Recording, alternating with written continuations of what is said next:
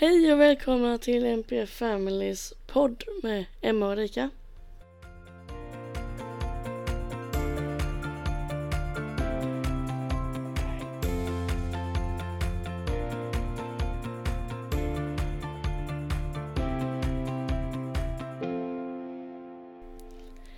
Hur är läget denna lördagkväll? Ja, jag tror den är rätt så mycket bättre än vad din lördagkväll är just nu. Ja, man vet aldrig nu för tiden. Nej, men det, det är väl relativt bra. Det har hänt rätt så mycket senaste tiden. Så det är lite, ja, lite upp och ner, lite turbulent. Men annars är det rätt så bra. Mm. Hur är det själv? Ja, hur är det själv? Det... Sist vi poddade så hade jag halsfluss. Denna gången... Ja, vad är det den här gången? Det är... Barnen har förmodligen eh, en ringorm. Och Vilma svinkåpor innan dess. Och eh, Malte har haft ögoninflammation. Lite förstoppning med på det. Eh, Alltså jag orkar inte. Jag tycker det är så synd, jag tycker det är så synd om er alltså.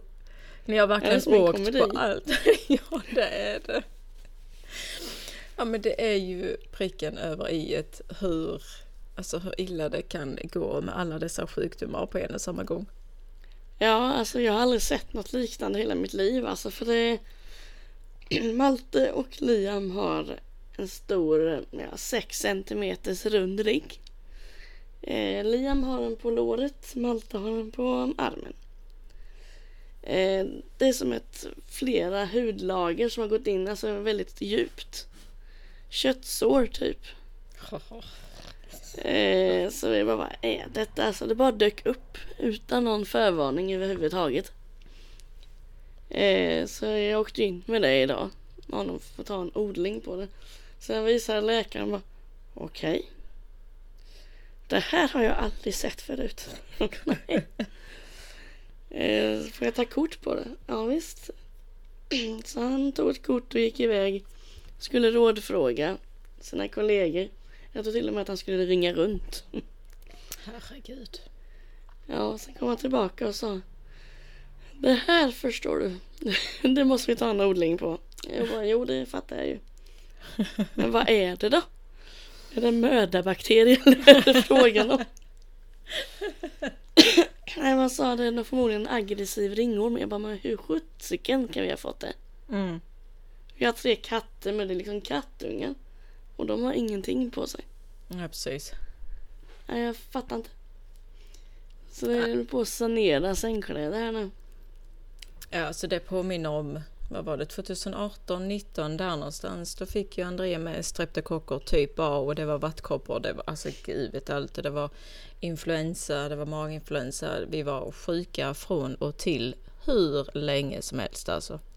Ja, vi hade ju också en sån period 2018. Sen dess har det varit väldigt lugnt. Men den verkar komma tillbaka nu. Ja men alltså sen covid så tycker jag både jag och barnen har varit extremt känsliga för alltså Jo, jag med. Så förkylningar och sånt. Ja, jag har ju varit sjuk tre gånger per månad nu. Eh, Den här gången ringde jag chefen för att verkligen så han verkligen hörde att jag var sjuk. För jag har varit hes nu i en vecka. Det är inget som blir bättre tycker jag. Eh, Och alla i familjen är verkligen sjuka.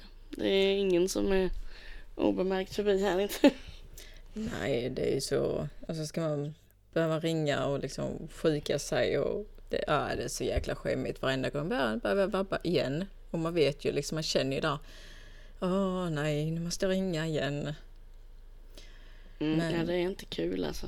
Jag känner mig mer som en börda då alltså. Ja, det är ju absolut inte roligt. Det är det minsta jag känner för att göra liksom. Mm. Men, Men I vilket ja, fall som helst så eh, har de inte ont av de här eh, grejerna på huden.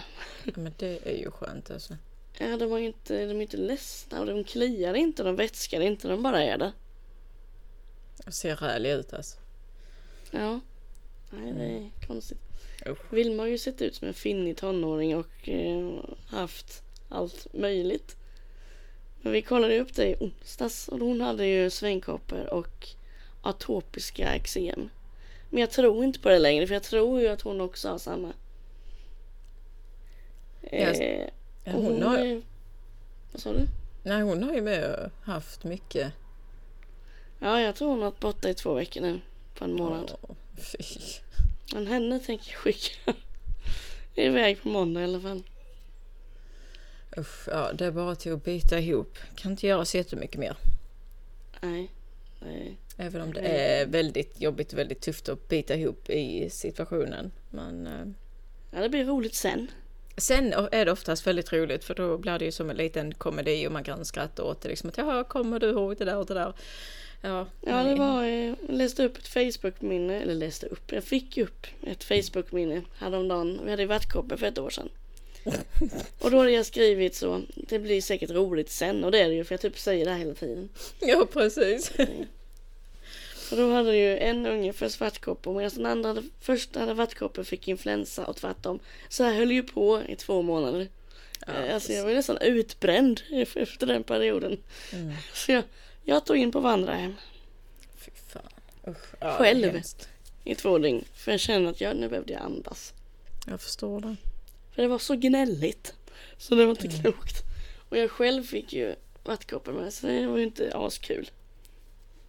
Ja, men för, usch, jag kommer ihåg jag fick eh, vattkoppor när jag var... Ja, det var dagen innan studenten. Så Fick du började- vattkoppor dagen innan studenten?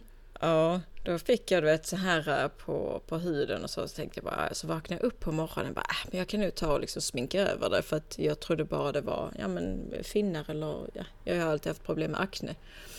Eh, så jag sminkade ju över det lite så och sen så då, dagen efter, när det var balen, åh herregud. Jag såg, alltså hela huvudet var ju liksom helt uppsvullet och, ah fy fan. Gick du balen ändå? Eh, ja, det gjorde jag. Jag fick ju medicin och allting, men ehm, nej, det var inte roligt. Men sen blev jag sjuk en hel månad efter det, så att eh, jag rekommenderar ju inte att få det som vuxen. Fy tusan vad dåligt jag mådde. Jag var också jättesjuk efter studenten. Mm. Mm. Usch, ja. det är inte lätt. Nej, det, nej, det är bäst att få vattkoppor. Man är liten. Ja, faktiskt. Det är ju herregud vad sjuk man blir som när man, när man får det när man är äldre. Alltså. Ja, Nej, jag vet för att min bror, han, eh, han fick också det jättesent. Han fick ju det tre veckor innan mig. Och då tänkte jag liksom att ja, nu klarar jag mig. Alltså över studenten och sånt. Jaha, eller inte. Kom lagom till balen liksom. Jätteroligt. Mm. Nej, det... Nej, jag trodde jag skulle klara mig jag med. För jag bara, ja, klart jag inte kan ha vattkoppor liksom i den här åldern. Men det kunde jag. Värst var ju inte kopporna i sig utan det var ju den höga feber som jag typ aldrig haft i hela mitt liv. Ja, det var sinnessjukt. Att Viktor fick bära mig nästan från soffan till sängen.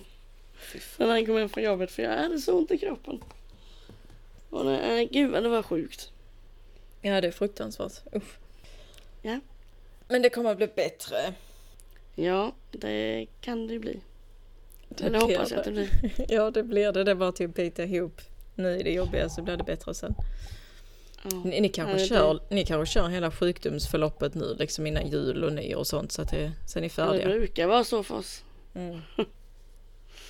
Ja, Fram, men jag- fram till 2020 tror jag det var, så låg vi sjuka varenda år sen Andrea föddes. Det var jätteroligt. På julen. Mm.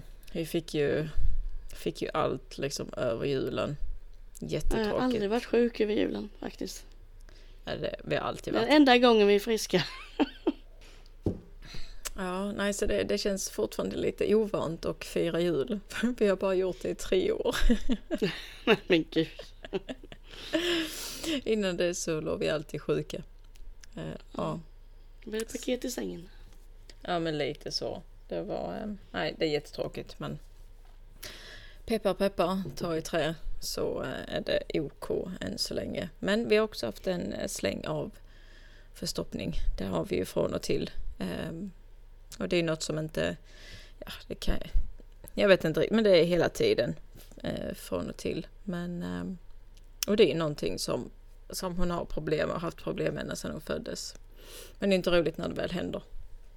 Nej. Usch, jag minns att Malta hade förstoppning i januari innan han hade RS-virus. Alltså det var det värsta jag varit med om.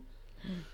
Jag är vana vid sjukhus men alltså det, det skriket och den verkligen eh, paniken av... Eh, han hade så himla ont i magen. Mm. Han kunde, inte, han kunde liksom inte vara stilla. Sånt hade han. Och sen bara komma på det här vad det var fick han ju klyx på akuten. Det Mm. var som hela världen bara rasade samman. Han bara stod där mot mig och tryckte på. Uff, ja, Sen blev han det- glad igen och detsamma Ja. idag. Han är helt onöjd och sen gav han mikrolax och sen, sen var det bra igen. Ja, ja, deras små magar. Ja, Det är inte roligt. nej. Nej, men om vi ska gå något lite roligare. Nu vet inte jag om just det här avsnittet blir så roligare när det inte är den bästa informationen man har att komma med. Men ändå. Nej. Åh gud. Alltså jag... Jag blir fortfarande förvånad över hur människor uttrycker sig i den här världen. Ja, eh, ska inte hänga ut den allt för mycket men eh, Nej. på sociala medier förra veckan. eh, då var det ju någon verkligen som påpekade väldigt klumpigt att eh, NPF inte hört hemma i klassrummet. Fruktansvärt klumpigt. Ja. Nej, jag har nog aldrig reagerat så starkt någon gång. Nej, men det är väl inte så konstigt att man reagerar starkt, tänker jag. Det ligger ju en så nära hjärtat. Ja, och det är då det blir så himla det nära blir- på. Ja, men det blev som Att ett övertramp ju. Jag bara okej. Eh, Då förstår jag att skolvärlden inte fungerar. När man uttrycker sig på detta sättet. Mm. Ja. Och jag tror jag tar upp det i en video också sen. Eh, Och då är det flera som kommenterar likadant. Mm. Jag bara men herregud. Och sen sa de ju även att eh, att lärare inte har någon som helst utbildning i NPF. Vilket är otroligt skrämmande tycker jag. Det är ju det. Och även... Det är en av de utbildningarna som borde ha det. För det är ju alltid någon i någon klass som har NPF. Som behöver anpassningen. Ja, men där märker man ju återigen alltså hur exkluderade eh, våra barn, individer som har funktionsvariationer, hur exkluderade de är i samhället. Mm. När där liksom inte, där ligger inte ens en utbildning hos lärare, eh, socionomer, valbar kurs i slutändan liksom. Mm. Ja, det är sjukt däremot. Socionomer om något måste ju ha utbildning i NPF. Ja. För det är oftast det de stöter på i dagens läge liksom. Mm. Jo men det var ju Socionomprogrammet har en valbar kurs sista terminen som heter Socialt arbete med inriktning mot normbrytande funktionsvariation. Jag undrar vilket socialt geni som har kommit på den kursen. Alltså, den är eh, normbrytande funktionsvariation. Alltså liksom just det här att det bryter normen. Vi måste ha med det i liksom i själva namnet normbrytande. Mm. Va- varför? Ja. Åter, återigen så blir det så markerande att det, alltså att hela liksom det här, alltså målgruppen, de är normbrytande. Mm. De tillhör inte normen. Nej. Jag eh, läste ju omvårdnad på gymnasiet. Och jag vet ju att många i mina, av mina kollegor har en undersköterskeutbildning. Och vi jobbar ju med NPF. Mm. Men jag hade ingen som helst eh, utbildning i det på gymnasiet. Ingenting. Det var också en valbar kurs man fick göra i årskurs 3. Mm. Eh, funktionshindrade hette det väl då. Jag tror det var två stycken som valde det i klassen. Jag valde psykiatri. Så jag valde inte ens det heller. Men eh, nej. Otroligt lite. Och jag kan inte säga att vi läste det överdrivet mycket på behandlingspedagogutbildningen heller. Jag vet ju att vissa behandlingspedagogutbildningar har inriktning NPF. Och den finns i, eh, ja vad fanns den? Sävsjö tror jag. Om jag inte minns fel. Min var ju mest inriktat till missbruk. Så vi läste ju mer om det. Men eh, visst vi hade kurser NPF men inte alls i den utsträckningen och bara ytligt. Nej, alltså ska man ha en riktig, riktig utbildning så sett så är det stödpedagog. Eh, Ja, det verkar vara den enda nu för tiden som eh, Mm. eh, verkligen har NPF i sig. Ja, där är ju en tjej Social- som har eh, kommenterat att eh, jag läser till stödpedagog och vi läser om NPF genom flera kurser ur olika perspektiv. Och det är fantastiskt. Ehm, Men sen samtidigt så man ska inte behöva läsa alltså en, eh, alltså en hel, alltså stödpedagog, en hel utbildning. Utan jag tycker liksom att det ska ju ligga utbildning i alla utbildningar när det kommer till NPF. Ja, jag, jag trodde ju med eh, när jag eh, tog examen 2019 till behandlingspedagog så vet jag att min dotters eh, förskolepedagog tog examen samma år. Och jag frågade ju rakt ut, "L- läser ni om NPF? Och det var ju med väldigt lite om inget alls. Och det kan jag tycka det är lite märkligt för att som vi har diskuterat innan så är det ju i förskolan som eh, man hade behövt hitta de här barnen. ja, Så där om Så- något borde ju ligga en NPF-utbildning. ja, verkligen. Eh, det, är, det är faktiskt väldigt skrämmande för det, det är där våra barn börjar. Mm. Det är där de lär sig de första socialt samspel. Hur man eh, leker med andra barn. Hur man eh, beter sig, eller på att säga. Hur man för sig och eh, ja, allt det där som man bör lära sig i tidig ålder med andra barn. Och eh, det är, nej, det är tydligen svårt att leta. Och när de väl förstår att det är något så är det för sent. Eller så vet de inte ens vad de pratar om. De bara förstår att det här är inte som vilket barn som helst. Så det här barnet eh, har säkert något men de vet inte vad det är.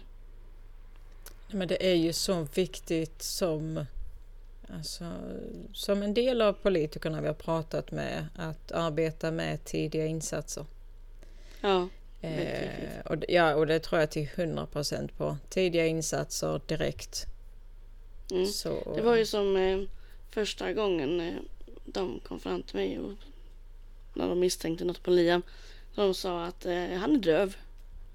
Mhm. Jaha. Ja. Han är döv. Det tror jag inte för han eh, lyssnar till Pippi. Han Mm. lyssnar till Babblarna. Sätter vi på det så kommer han som ett skott Mm. direkt. Liksom. Han hör det han vill höra. Eh, och det är ju det, de, det första de reagerar på. Att han är döv. Och att han inte har autism. Där kan man inte lägga ihop det. Utan eh, att, lyssna, att inte lyssna på sitt namn är ju ett av Ja diagnoskriterierna för att få en diagnos. Jo men liksom Men vi, just- vi gjorde ju som de sa i alla fall så vi gick och kollade hörseln. ja, men det gjorde gjort det vi tre med. gånger. Mm. Jag vet inte hur många gånger vi med har gjort det för att det var ju med något att eh, ja, men det, Jag fick göra om det några gånger med för det är inte direkt samarbetsvilligt. Nej, men det känns lite som att det, det blir mer vanligt att eh, omvärlden tror att barnet är hörselnedsatt. Med tanke på att de då inte ger någon som helst respons när det kommer till kommunikation på det viset. Mm. För det vet jag, Andrea fick ju med göra en hörseltest. Men det visade sig att hon hade ju extremt bra hörsel. Så att hon hade ju ingen Ja, hörselnedsättning. Nej. Liam reagerade på väldigt få ljud och stimuli när han var liten. Jättelite. Släppte man en bomb bredvid han skulle inte han reagera. Eh, Så är det ju inte idag för idag reagerar han ju på sitt namn. Och Mm. alla andra ljud. Men satt vi och pratade, han satt ju bara där och tittade in i tomma intet liksom. Mm. Även om vi knäppte med fingrarna eller så här i eller allt möjligt. Helt inne i sin egna värld. Idag är han ju helt annat öppen så. Lyssnar på sitt namn och eh, tittar på en om man pratar med en. Så där har den kommit men det märkte ju alla i stort sett. Det där med bristande ögonkontakt och eh, kontakt överlag. Ja men ändå alltså. hade, hade personalen alltså haft mer kunskap så hade det kanske inte varit det första. Alltså man hade trott att barnet är hörselnedsatt. Nej.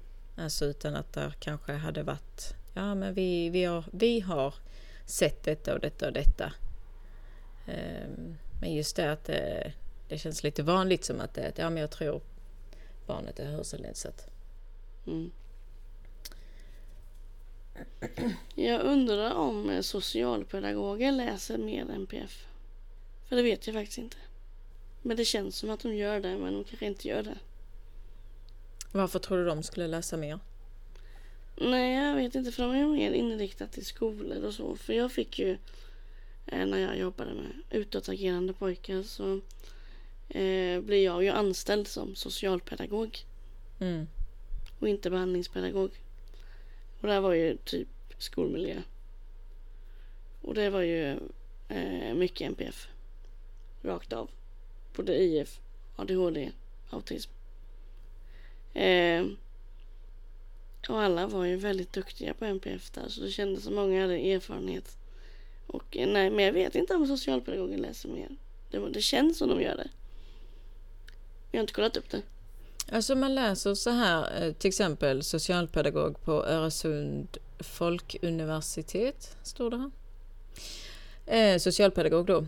I utbildningen läser du kurser som socialt arbete, utveckling, soci vad står det? Socialisation och livsvillkor, socialpedagogik samt psykisk ohälsa och missbruk.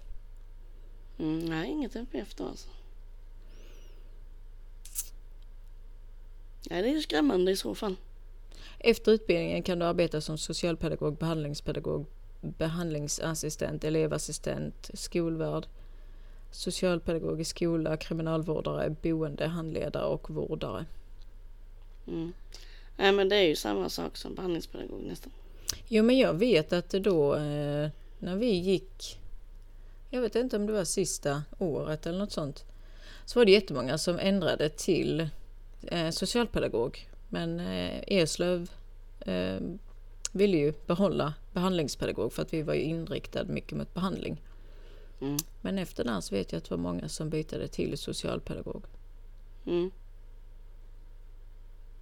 Nej men jag ser knappt längre om man tittar på Platsbanken där man söker jobb så ser jag aldrig att det står behandlingspedagog längre. Det är bara socialpedagog eller stödpedagog. Ja. Så ibland känns när jag har frågat om jobb ibland, det var flera och flera år sedan. Eh, typ elevassistent. Så jag säger jag är behandlingspedagog. Vad är det? Vad gör ni?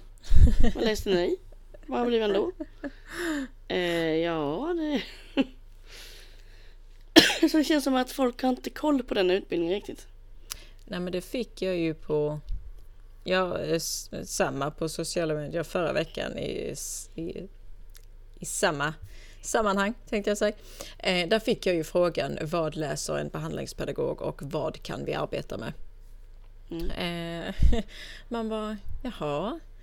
Eh, ja, det, det är ju rätt så mycket vi kan arbeta med och vi har väldigt bred kompetens. Men eh, nej, det är nog som du säger, det är inte många som har koll på behandlingspedagog. För många säger, jaha, du är assistent.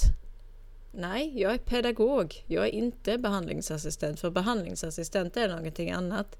Utan jag är utbildad eh, behandlingspedagog. Mm. Så att de har ju hört eh. mer om behandlingsassistent än behandlingspedagog uppenbarligen. Ja, när de frågar mig vad, vad vi läst så säger jag att vi det, tänk dig allt som har med människor att göra. Problematik typ.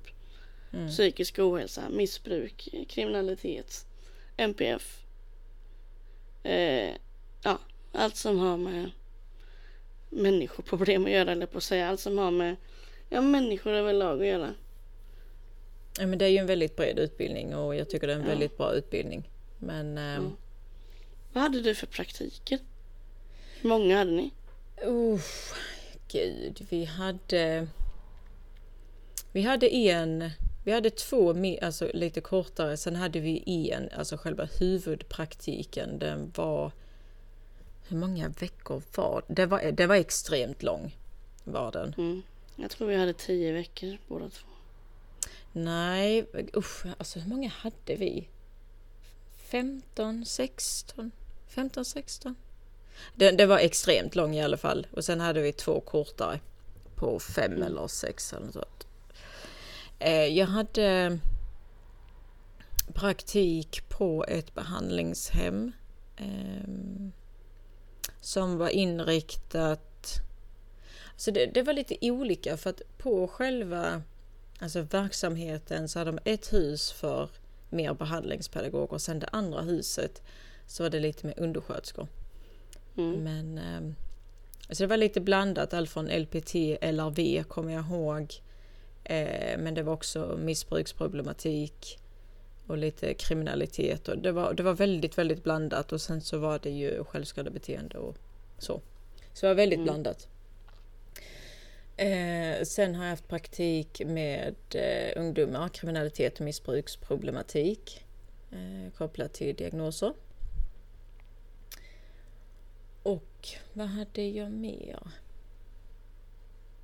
Jag måste ha haft en till.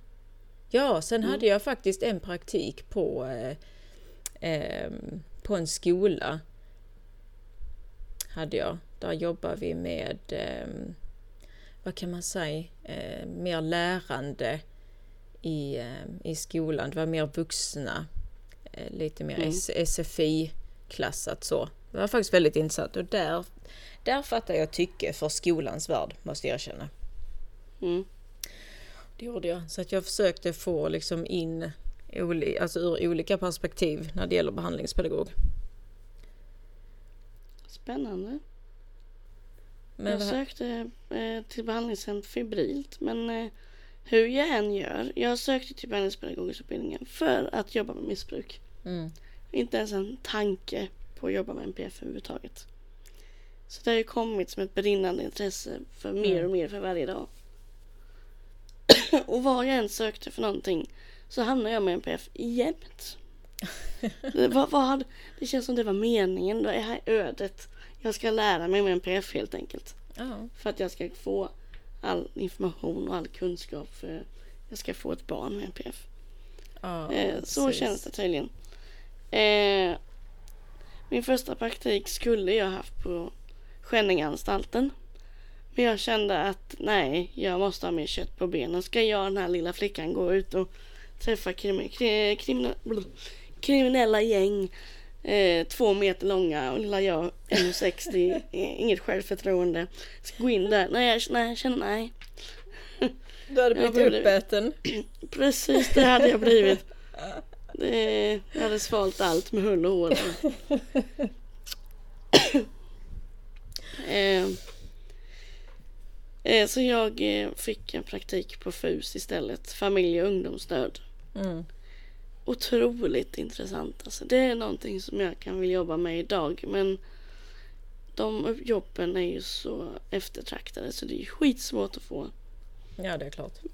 Men det var i alla fall att vi åkte hem till familjer mm. eh, och styrde upp, strukturerade upp när föräldrar inte orkar mer typ. Och eh, åkte iväg på aktiviteter med barnen. Mm. Eh, så. Gjorde någon form av repuls, heter det. repuls. Eh, utbildning inom MPF typ. Som de utförde på både på barnen och på vuxna. Oftast handlar det om MPF i familjerna. Spännande. Och missbruk. Eh, väldigt trevligt. Det var tio veckor. Jag var en vecka på psykosociala verksamheten också. Det var också boendestöd, liten del av det. Och sen kunde de komma. Eh, det var som en daglig verksamhet fast ändå inte. Det var också väldigt kul och väldigt spännande. Så den praktiken var fantastisk. Det låter väldigt eh, lärorikt. ja, det var det. Även om det var fruktansvärt litet. Så var det väldigt lärorikt. Ja, men jag kommer ihåg, alltså det, det är någonting som har gjort liksom alltså att jag fann intresset att jobba med jobba med just ungdomar. Eh, missbruksproblematik och kriminalitet. Det är någonting med det, för det är så givande. Alltså att jobba med mm. ungdomar överlag är otroligt givande. Och det, tar det mycket energi, man får eh. jobba mycket, men den kärleken man får tillbaka.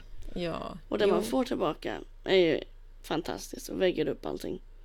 Ja men det gör det. Alltså det jag jobbade uppe i Växjö och hur det än blev och att det är tragiskt att det slutade men det, den tiden lärde mig så otroligt mycket om, för det första om, om, vem jag är som person men också min, min profession. Eh, alltså som behandlingspedagog. Ja, man lär sig ju extremt mycket om sig själv i alla fall. Ja, och sen då när jag jobbade eller hade praktik då på skolan. När man fick höra, kommer ihåg det var en, en ung vuxen och satt och skulle göra en intervju med honom då som tillhörde mitt, eh, mitt arbete. Och den historien som han berättade, jag blev så rörd. För det var Ja, men det, var så, det var så hjärtskärande att höra hur liksom flykten från krig, flykten hit, alltså jag, jag, vet inte, det är någonting med människan, människans historia. Och alltså ja, ja jag, jag, den där historien, det kommer, jag kommer aldrig släppa den för att den, den har ju med gjort mycket hur jag ser på människan och varför jag vill arbeta med människor. Mm, jag tycker också det är spännande att lyssna på människors historier. Vad de har varit med om och inte varit med om. Mm. Och en del historier fastnar ju verkligen i hjärtat. Ja men det gör det. Och, liksom, och det, mycket det här att ja, men det gav mig så mycket mer energi till varför jag ville bli en behandlingspedagog. Att kunna kunna alltså, arbeta med det man har och stötta med det man kan för att förändra, förändra den väg som liksom, alltså framtida framväg och göra den annorlunda. Mm. Precis.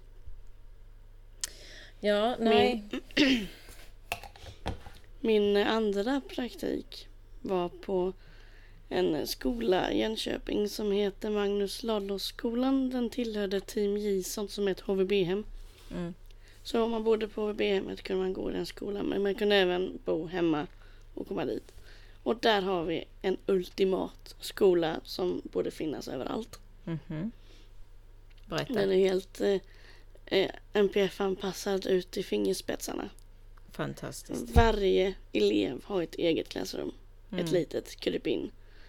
Där de kunde känna sig trygga, där de kunde gå in i för att skärma av. De hade en till en lektioner.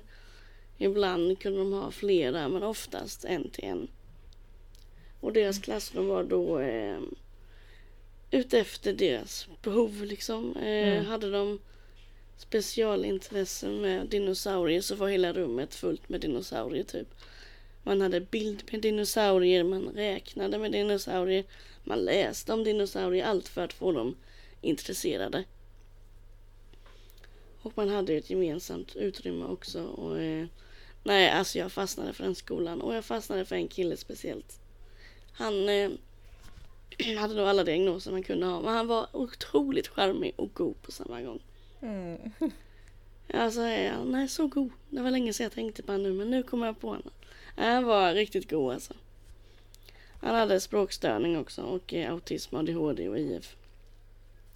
Som sagt, vissa människor, personer, individer fastnar så mycket djupare än vad man kunde ana från första, vid första mötet. Mm. Precis. Nej, alltså det sen är så sjukt eh, vad mycket de gjorde själva när de var i sitt egna klassrum. Mm. Alltså vilket fokus det blev. Och vilken koncentration det var. Och sen när man var flera och skulle ha en lektion. Det gick inte alls. Och då pratade vi bara om tre, fyra elever. Nej men de var, nej det var riktigt kul var det. Tyvärr så var jag gravid höll på att säga. Det, jag var gravid i början med, med Vilma där, mådde skit. Så jag var ju hemma lite sporadiskt. Mm. Det var lite svårt att utföra eh, perfekt jobb när man bara ville besöka toaletten hela tiden. eh, men nej, nej gud, alltså där trivdes jag verkligen. Jag fastnade för allihop. Jag tror de fastnade för mig också. Eh, nej, det, så alla borde jobba så. Och det borde finnas fler. Alltså det är ett väldigt bra tänk. Att det ska vara en till en. Elever mår som bäst då. Och det blir inga hemmasittare. Jag förstår inte varför fler inte har kopierat det arbetssättet. Nej, att verksamheter inte kopierar det när de ser att det funkar. Jag förstår inte det. Precis. Precis. Ja, det var ju en eh, huvudlärare, speciallärare och resten elevassistenter då. Mm. Nej men de var så himla gött gäng också. Det var sådana personer som verkligen brann för jobbet och brann för eh, dessa barn. Och eh, framförallt så hade de väldigt kul tillsammans. Kollegorna. Så eh, man bara strödde ju med det. Det märker man ju direkt. När man kommer in på en arbetsplats om det är bra atmosfär eller inte. Ja, ja. Eh, nej gud. Nej, där, hade jag inte eh, varit gravid där så hade jag nog tagit ett jobb där sen. Men saken, det- saken är ju den att det finns ju inte så många människor idag som är intresserade av att arbeta med den här målgruppen. Nej. Alltså för, för jag menar, hade det funnits det så tycker jag ju att det borde inte vara så svårt att skapa de här, alltså den här typen av verksamhet. Nej, precis. Men det är som du säger, det måste ju vara eldsjälar. Det, det kan ju inte Mm. bara vara någon som blir erbjuden alltså ett jobb så, utan det, det ska ju vara personer som verkligen vill jobba med det och brinner för de här ungdomarna och vill göra skillnad. Ja, det är så jag tänker när vi sen förhoppningsvis kan vara med i startgroparna med NPF-team och liknande. Att man hittar de där guldkornen Ja, som vill jobba med det. Som kan och vill göra skillnad. Som har fallenhet för det. ja det är ju jätteviktigt. Jag vill inte ha någon sur gammal 60-åring som har jobbat med samma alldeles för länge. De, eh, nej, det ska vara sådana som brinner för det. Som vill det här. Ja, och inte sen, som blir påtvingat. ja, men sen förstår jag med att det, det är ju rätt så svårt att, att brinna för någonting när, samhäll, när samhället hela tiden bara trycker bort det. Stöter bort det. Nej. Eller drar ner ekonomiskt på det. Mm. Det är ju liksom inte... Det är inte så lätt att, att, att bibehålla liksom elden om man vill göra förändringar när man hela tiden stöter på eh, tyvärr ekonomiska problem när det kommer till de här verksamheterna. Vi får starta sådana här NPF Family-skolor lite här och var i Sverige. Ge oss några år först.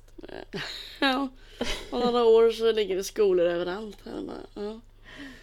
Ja, det hade varit en, fanta- en fantastisk upplevelse att få vara med och starta en verksamhet Mm. eh, som är helt NPF-inriktad och bara ha eldsjälar som, som älskar det de gör och älskar att befinna sig på en sån verksamhet. Ja, det hade varit något.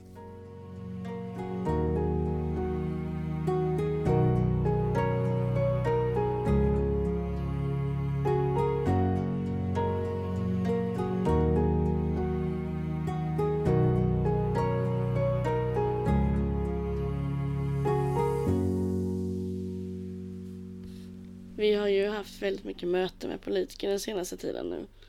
Eh, och jag är fortfarande i chock över att eh, de typ sitter och gapar när man pratar. Eh, tappar hakan nästan bara. Wow. Mm. Eh, jag trodde inte det skulle få sån respons. Jag trodde bara att det skulle vara mothugg och frågor. För det är det man är van vid när det gäller politiska debatter. Nu är det här ingen debatt. Men ändå är jag fortfarande chockad över hur bra det har tagits emot. Ja, och sen, sen har vi ju inte lindat in det i något, eh, i någon bomull heller, utan vi har ju Både du och jag har ju pratat från hjärtat när det gäller våra barn och har väldigt eh, varit väldigt öppna med Mm. vår historia. Och det, det gör ju någonting med när man pratar om barn, man pratar om sorg, man pratar om övergrepp. Ehm, alltså som, som människa. Eh, det gör ju någonting med en när man hör liksom att ett barn har blivit utsatt för det här. Mm. Men ja, när jag, jag, eh, jag kommer ihåg när vi skulle ha vårt första möte. Och jag kommer ihåg, Ja, jag hade liksom, jag, jag, hade, jag pratade med min, med min far och jag pratade med min bror. Liksom, Vi- vilka, vilka liksom, motargument ska jag tänka på? Vilka motargument kan de komma med? Vad ska jag liksom ladda upp med? Eh, Och jag kommer ihåg vi hade riktiga diskussioner. Liksom, ja, men tänk så här, tänk så här, för så här tänker de. Och hade liksom eh, flertal samtal om hur det kunde utspelas. Liksom. Mm. Bara för att vara så beredd som möjligt. Men, ehm, mm, men jag tror det har gjort mycket med, i alla fall i början, med att vi hade den ekonomiska biten också. Vi lyfte den ekonomiska biten egentligen redan från början. Och jag Mm. tror där bryts det lite också att okej, de här två har koll på ekonomin ur ett eh, politiskt perspektiv. Och då blir Mm. det ju en helt annan diskussion också. Då kan man eh, öppet diskutera ekonomi på ett helt annat sätt. Ja, men det känns så sjukt för nu kan jag liksom bara sätta mig framför datorn och bara ha ett möte som att det vore ingenting. Ja, Alltså första mötet, alltså eh, sov jag inte på flera nätter innan. Och nu bara, jaha, jag har ett möte om fem minuter. Jaha, ja. jag, ska, ja men precis. Jag, måste bara hinna gå på toa innan och jag ska bara liksom ta mitt kaffe, sen är jag redo. Eh, det har ju blivit, det har ju normaliserats eh, för vår del att sitta i möte med politiker. Och, ehm, jag tycker det är jätteroligt eh, och absolut inte för liksom, att lyfta oss själva på det viset eller liksom skryta. Men det bör ju talas högt om att vi faktiskt har fått till möte med politiker, att politiker lyssnar på oss för att det är ju där förändringen börjar.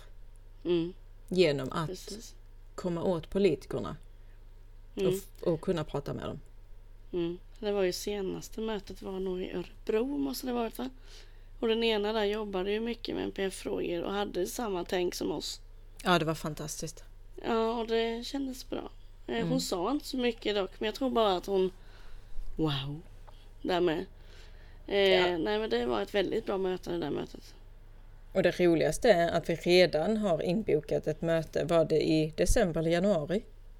Jag har inte kommit så långt än eftersom vi varit sjuka. Jag har inte hunnit att planera det. Men någon gång i december, januari. Mm. Så att de, de är villiga att ha ett möte till, liksom en liten återkoppling och uppdatering om hur de har gått tillväga med den här informationen om en vårt möte. Mm. Så att nej, det, det är mycket som händer och det... Men som sagt, jag tror det är där vi måste börja och det är där vi kan få till en liten förändring just nu. Mm. Ja, jag har ju googlat på Ulf Kristerssons mailadress. Det har jag gjort faktiskt. Jag, jag har inte skickat iväg ett mail än. Kanske ska jag börja med Ebba- Busch istället. Med falukorven. Hon är så Ja, välkänd för, för den jäkla falukorven. Kan stå och vifta med någon eh, NPF eh, märke eller någonting istället. Inte med en jävla falukorv. Ja, precis. Som blir dyrt i alla fall. Ja, ja, men eller hur.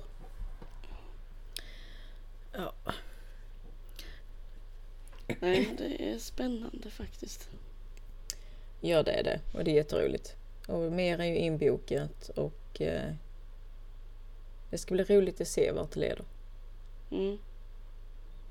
Verkligen. Och till helgen åker vi till Halmstad. Det gör vi. Och det Om, ser jag fram emot. Ja, Jag om skiter ni... i om jag är sjuk. Ja, det skiter jag. Jag kommer ändå. Det får bli en Iprendag i så fall. Jag, jag ska dit. Oavsett om jag har ringorm eller om jag har ögoninflammation. Jag kommer ändå.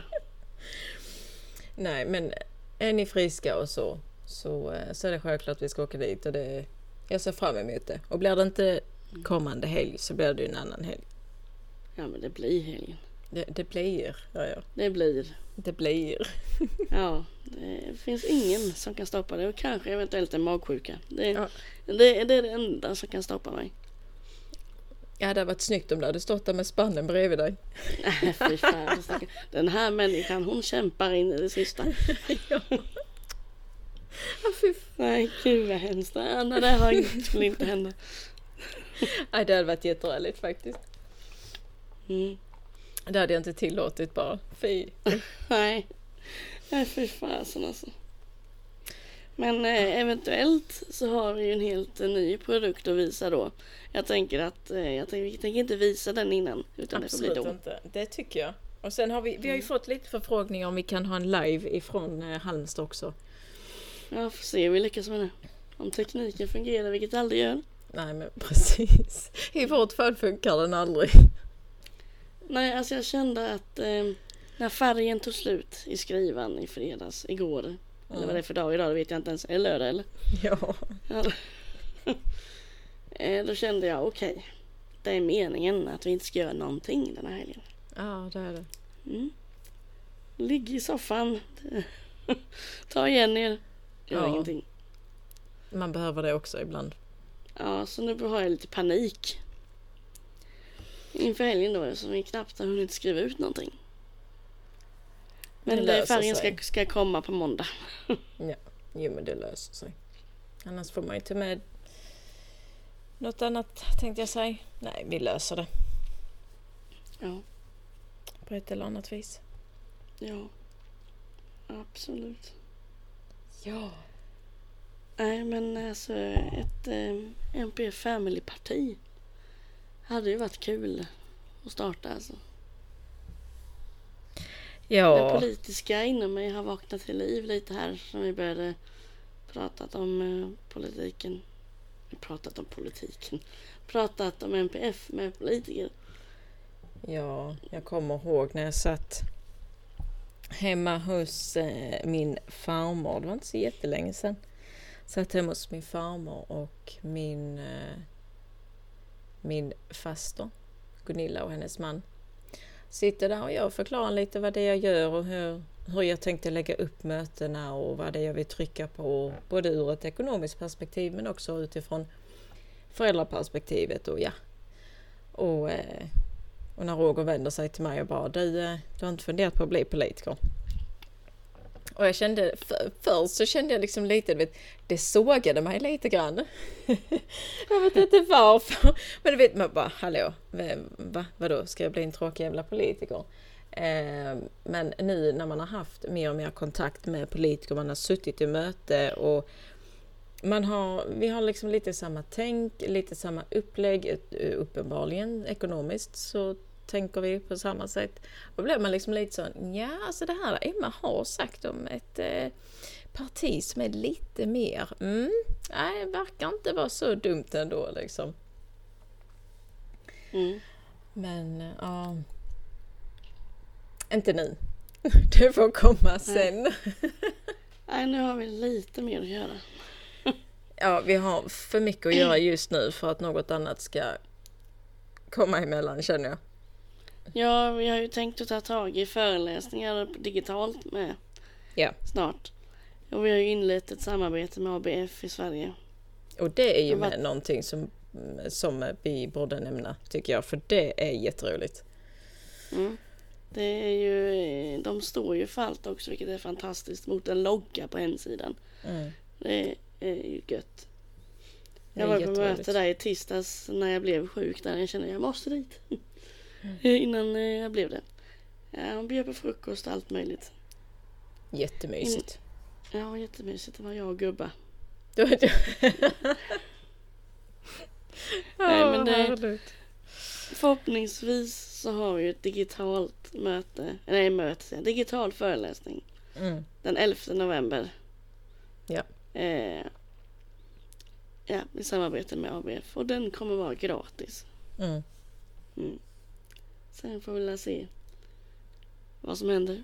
Men Ja. eh, folk börjar fråga mer och mer om föreläsningar så det är ju bara att sätta sig. Det Jag känns tror- ju lite, lite mer, det känns bättre att ha det digitalt. För då får jag nå ut mer av det. så kanske man successivt kan stå IRL också till slut. Ja, och sen Även om må- jag tror man många ska fixa är det ju... Alltså, efter covid så har ju... Alltså, många människor har ju blivit eh, väldigt bekväma med att ha det digitalt.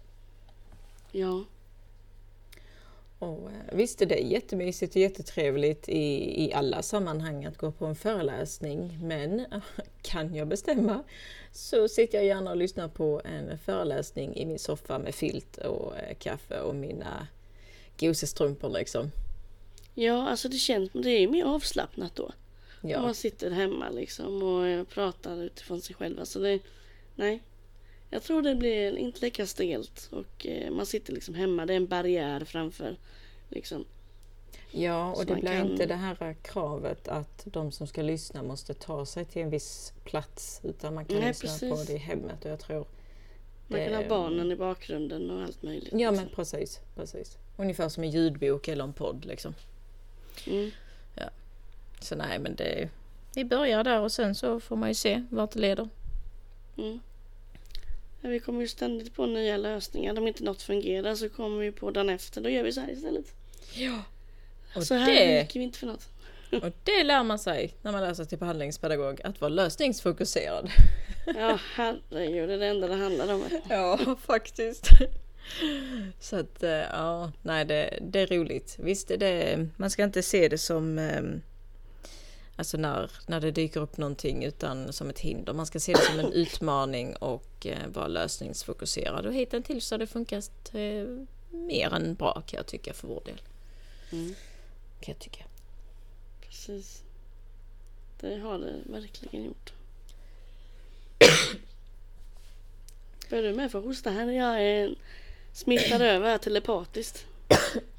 Nej, det har kommit eh, nu senaste dagarna har det faktiskt eh, smugit sig på lite grann. Jag är inte riktigt nöjd med det. Men eh, mm. Du är inte nöjd med det? Nej. Nej, jag är faktiskt Nej, inte det- det. Nej, men jag känner lite med rösten med att det, det, det är inte riktigt som det brukar. Men jag har lite te i min kopp och jag har mer te i kannan som jag ska ta och värma mig lite med. Ja, jag är så retad på jobbet alltså för att jag verkligen dricker kaffe eller te. Eh, så de bara, vad fan dricker du då? Vad ska man bjuda dig på då? Det är en sån här tråkig jävel eller? Ja, tack. Det är Pepsi Max förstår du. Mm. Jag har en väninna som är exakt likadan fast hon, hon kör med Fanta. Och så nu sist då när jag var hemma hos henne så sa jag, alltså jag ser att du har en eh, kaffekokare men eh, har du något kaffe? Nej det har jag inte men jag ska köra och köpa kaffe. Mm. Så man, man kan få lite kaffe ändå. Så att, eh, ja. Nej man behöver inte dricka varken kaffe eller te. Det, jag hade varit nöjd om jag inte hade druckit eh, varken kaffe Nej, jag har eller te. försökt men alltså nej. Det... Jag tycker te smakar för mycket utspädd saft. Ja du vet inte vad för te du har druckit. Nej, det kan inte vara gott i alla fall. Det jag har provat. Ja, då, som sagt, då vet jag inte vad du har druckit för något. Eh, Men det jag har druckit idag, det var absolut ingen utspädd saft i alla fall. Nej, Nej. det var ju skönt. Ja. Nej, vad säger du att runda av detta Ja, lite, precis. lite märkliga avsnitt? Det börjar i ena änden och så slutar det i den andra. Ja, men det är det som är så roligt med podd alltså, för det kan ju vara överallt. Ja, men alltså tar man ner lite av det och så tar man ner lite av det och så helt plötsligt så är man någon helt annanstans. Men det är det Jag som tror är det så... är det som är skärmiga med poddar och det som folk gillar att lyssna på. Det är när det är lite halvt oplanerat. Om man pratar, pla, pratar, pratar om allt möjligt. Ja, och sen är det lite det att vi tar ju egentligen bara upp alltså ett, ett brett ämne egentligen och sen vart vi landar i det, det vet vi inte. Mm. Nej. Det kan ju vara lite tråkigt ibland att bara ha infopoddavsnitt hela Ja. tiden. Då måste man ju flika in med lite annat också. Ja. Även om eh, ditt, eh, ditt ja. vårt förra poddavsnitt blev väldigt populärt med sensorisk överkänslighet. Ja, Jag har också lärt mig mycket av det. och vad roligt. Ja. Och även om inte vi har pratat om brunt ljud i podden än. Så det är någonting som vi har börjat jobba med med Vilma. Jätteroligt. Och hon sitter och gör läxan. Med detta. exemplariskt. Ja, och jag själv hatar det. Alltså det är... Nej, jag klarar inte av ljud alltså. Jag vet inte vad det är. Men jag, skit, jag skiter i dig. Jag tycker bara det är bra med din dotter. Precis. Nej, jag behöver inte ha ett på det. Alla andra går det bra. Jag kan tipsa alla andra men kan inte aldrig utföra det själv. Ja, nej, men jag tänker att vi ska, vi ska ta och lyfta brunt ljud eh, i något avsnitt. Även hur man kan arbeta med, eh, med tyngder. Mm. Eh, för jag har lite, jag har, jag har rätt så mycket smått och gott som vi ska ta och lyfta i podden framöver. Mm. Eh, så att det kommer ännu mer så här eh, input av det mesta. Ja, det är roligt. Kommer det. Så det ska bli, vi har en, en härlig höst framöver med mycket poddavsnitt och eh, mycket lärorikt material. Mm. Jag tänker vi- att vi definitivt ska hålla oss till en dag i veckan nu så att det inte blir lite hoppigt. Nej, det får vi inte. Så det blir lite kontinuerligt hela tiden. Precis. Mm. Men vet du vad? Nej. Tack för idag. Ja, jag tänkte att nu kommer något roligt här. Nej, Så, eh, adrenalinet pumpade. Men det, Precis. Nej, nej, men det är lika roligt som vanligt att spela in poddavsnitt med dig. Mm, detsamma. Eh, Det, det är är en det är för- i veckan. Ja, det förgyller mina kvällar i mörkret tänkte jag säga. Nej, jag har faktiskt en lampa tänd. Ja, alltså jag är, jobbar. Jag, jag skulle egentligen jobbat nu men jag poddar istället. Och, att eh, rösten håller. Ja. Tack så jättemycket för att ni lyssnade och jag hoppas att detta avsnittet har lärt er eh, eller gett er någonting om någonting. Om inget annat så jätteroligt att ni stannade kvar och lyssnade. Ja. Och eh, stanna gärna kvar till nästa gång, höll jag på att säga. Eh, ställ klockan på måndagar helt enkelt så ni vet när podden kommer ut. Ja, för den släpps ju på måndagar Mm, 06.00. precis. Vilken tidig tid. Ja, men det är då de lyssnar vet du. Är Bara det, väller in eh, ljud, eh, ljud. Väller in nedladdningar mellan 6 och 7. Åh herregud. Fy vad jobbigt. Vilken tid. ja men alltså nej men okej jag ska också erkänna. Jag eh, kan också lätt sätta igång en podd på morgonen för att liksom hypa upp mig själv för att klara av dagen liksom. men inte... Ah, ja, nej det är fantastiskt. Det är jätteroligt att höra att det är så många som lyssnar och att ni är så många som fortfarande hänger med oss i våra upp och ner avsnitt. Mm. Hos kaosartade liv. Där det både är ringorm och förstoppningar. Så eh, det är ju bra. Ja, men jag tror nog det är det som är lite roligt också. Alltså Ja, det, det- för det, detta, är, detta är ju liksom typ live ifrån insidan av liksom funkisvärlden. Det kan man säga. Den, de- den är ju aldrig rak fram utan där är en linje men vi alla springer åt olika håll. Ja. Ja, det finns inget facit. Nej, precis. Ja, men stanna kvar till nästa avsnitt så, eh, så lovar jag att det blir något givande det också. Jajamän. Ja, Så ha, eh, sov så gott. ha det så bra. Hej då!